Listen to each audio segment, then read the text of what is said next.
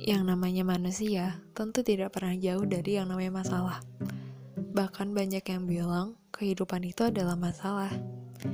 Jangankan kita manusia yang lemah ini, Nabi Shallallahu Alaihi Wasallam yang ahlaknya luar biasa baik tetap merasakan seluruh masalah yang ada di muka bumi ini. Makanya sekarang beliau dijadikan contoh terbaik untuk semua orang.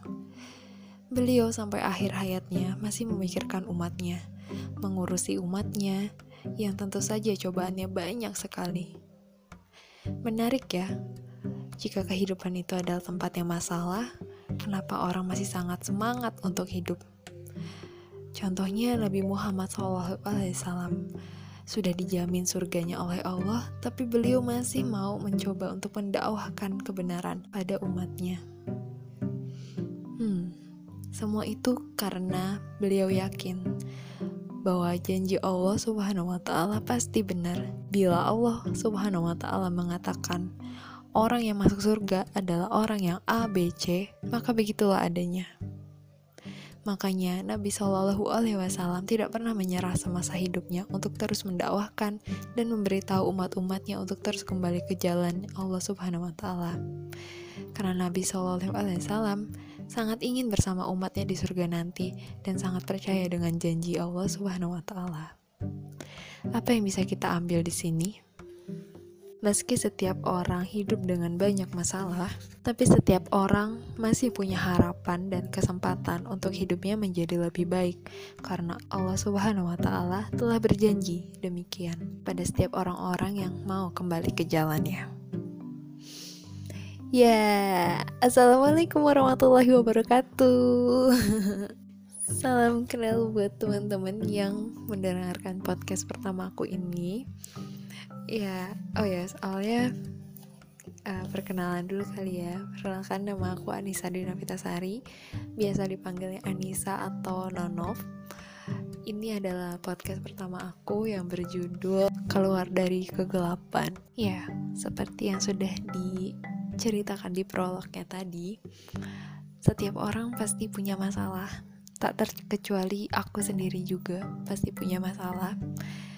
Nah, jika masalah digambarkan dengan sebuah kegelapan, sebenarnya aku pingin banget ngajak teman-teman aku juga bareng-bareng untuk keluar dari kegelapan ini keluar dari masalah ini dengan cara yang baik, dengan cara yang sudah dicontohkan dengan sebaik mungkin oleh para pendahulu kita, oleh Nabi Muhammad SAW, agar keluarnya kita dari kegelapan ini tuh dengan rasa yang tenang, dengan cara yang tepat, yang tidak menimbulkan masalah yang lebih berdosa lagi atau yang lebih besar lagi. Tuh.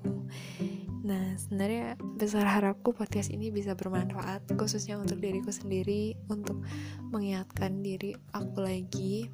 Dan kalau emang ada hal baik dari podcast ini monggo kalau mau diambil sama teman-teman dan jangan diambil yang jeleknya.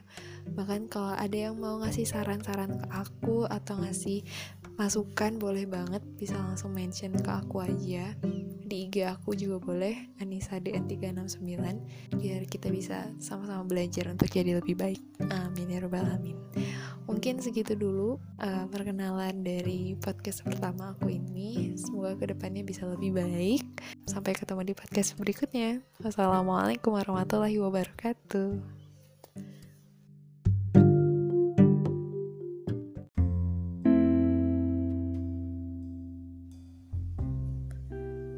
omongan itu terlalu ringan, terlalu mudah dilempar, tapi sulit dipertanggung jawab. Di sudut lain, aku terkukuk-kikuk meresapi sesuatu yang sulit dipertanggungjawabkan itu. Mencari tersangka, siapa yang harus disalahkan dari luka yang sudah terbuat ini? Sampai ketika aku sadar setiap orang tumbuh dari rasa sakitnya, begitupun tersangka dari luka ini. Lagi-lagi diri ini harus cukup dengan filosofi dunia.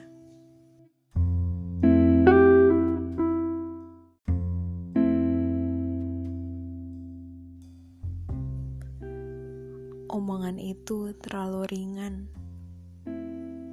terlalu mudah dilempar, tapi sulit dipertanggungjawab.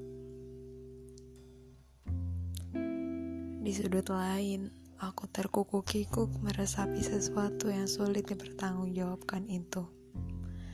Mencari tersangka, siapa yang harus disalahkan dari luka yang sudah terbuat ini?